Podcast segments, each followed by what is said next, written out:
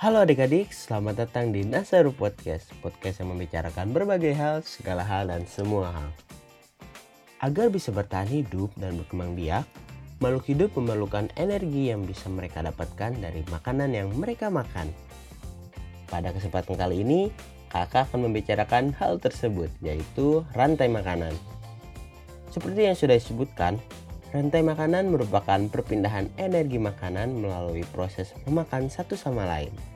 Seperti hewan herbivora yang memakan tumbuhan dan juga hewan karnivora yang memakan daging mangsanya untuk mendapatkan energi.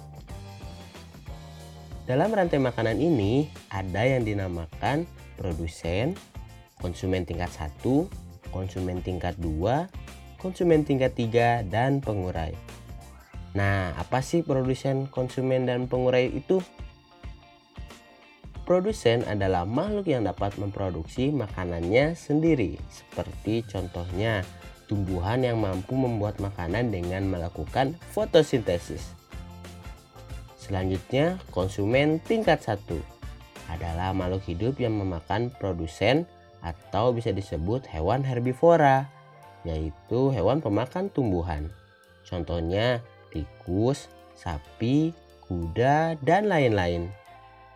Lalu selanjutnya ada konsumen tingkat 2. Konsumen tingkat 2 adalah makhluk hidup yang memakan konsumen tingkat 1 atau bisa disebut hewan karnivora. Karena konsumen tingkat 2 memakan daging konsumen tingkat 1.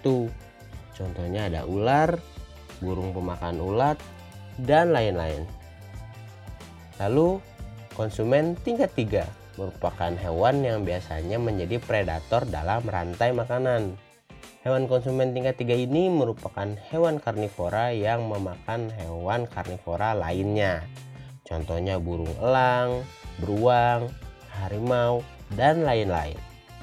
Lalu yang terakhir ada pengurai yang berfungsi untuk menguraikan sisa dari konsumen tingkat 2 atau tingkat 3 jika telah mati Nah, jadi dalam rantai makanan ada beberapa tingkatan dari produsen, konsumen tingkat 1, konsumen tingkat 2, konsumen tingkat 3, dan pengurai.